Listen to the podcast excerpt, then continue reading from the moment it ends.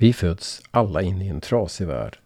Världen, inte bara den utanför oss utan också den inom oss, har gått vilse från Gud. Och det är därför vi ser så mycket krig, svält och elände runt omkring oss. Och, och om vi ska vara ärliga så ser vi det trasiga inom oss också. Vi är inte så kärleksfulla som vi borde. Vi, vi älskar inte Gud och våra medmänniskor av hela vårt hjärta. Vi tänker inte bara rena tankar utan ofta helt fel och orätt. Och det är detta som skiljer oss från Gud.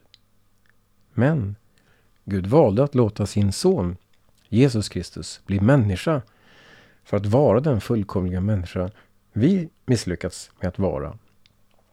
Och han straffades för det brott vi begått inför Guds heliga lag. Genom Jesus Kristus och endast genom honom är alla våra synder förlåtna och vi är förklarade rena och rättfärdiga inför Gud på grund av Jesu lydnad och hans lidande och död. När vi tror att Gud är en nådig Gud för Kristi skull så upptas vi till hans barn och blir medlemmar i hans familj. Ytterst handlar inte frälsningen om vad du och jag gör utan om vad Gud redan gjort. Och det är en gång för alla genom sin son Jesus Kristus. Och därför predikar vi Kristus Jesus och inte oss själva. Och vad är det då Gud gjort som angår dig och mig? Svaret är att Ty så älskade Gud världen att han utgav sin enfödde son för att den som tror på honom inte ska gå förlorad utan ha evigt liv.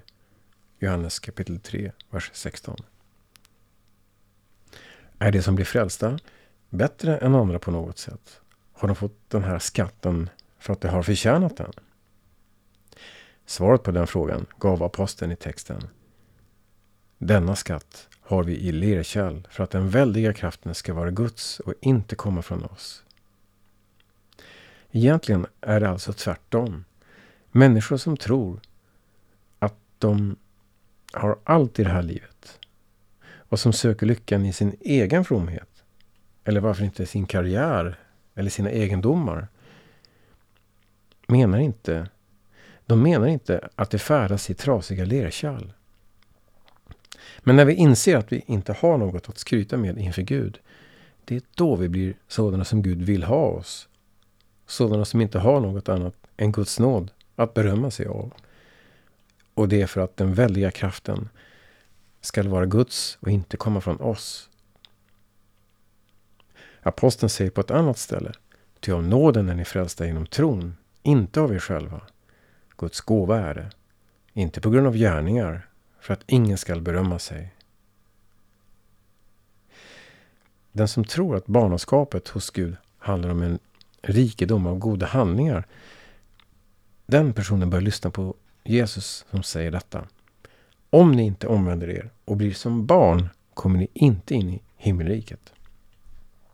Matteus 18.3 Profeten Jesaja förklarar också. Ty så säger den höge upphöjde han som tronar till evig tid och heter den helige. Jag bor i det höga och heliga, men också hos den som är förkrossad och har en ödmjuk ande, för att ge liv åt det ödmjukas ande, för att ge liv åt de förkrossades hjärtan. Jesaja kapitel 57, vers 15. Och därför är Gud en Gud också för dig. Det är det fantastiska med kristendomen, att alla får plats i hans famn. Som profeten säger. Han för sin jord i bet som en herde och han samlar lammen i sina armar. Han bär dem i sin famn. Ur Jesaja kapitel 40, vers 11. Vi vet ingen av oss när vår sista stund kommer. Gud give att vi alla då kan få bära med oss både livsglädjen och den stilla förtröstan. Att vi, när den stunden kommer, med trygghet kan veta att vi kommer hem. Hem till den Gud som älskat oss av evighet. Denna förtröstan får vi alla äga genom tron på Jesus Kristus, Guds son, världens frälsare. Att tro på Gud kan alltså beskrivas så här. Vi predikar inte oss själva, utan Jesus Kristus som Herren och oss som era tjänare för Jesus skull. Till Gud som sa ljus ska lysa fram ur mörkret. Han har låtit ljus lysa upp våra hjärtan för att kunskapen om Guds härlighet som strålar fram i Kristi ansikte skall sprida sitt sken. Men denna skatt har vi i lerkärl. För att den väldiga kraften ska vara Guds och inte komma från oss. Amen.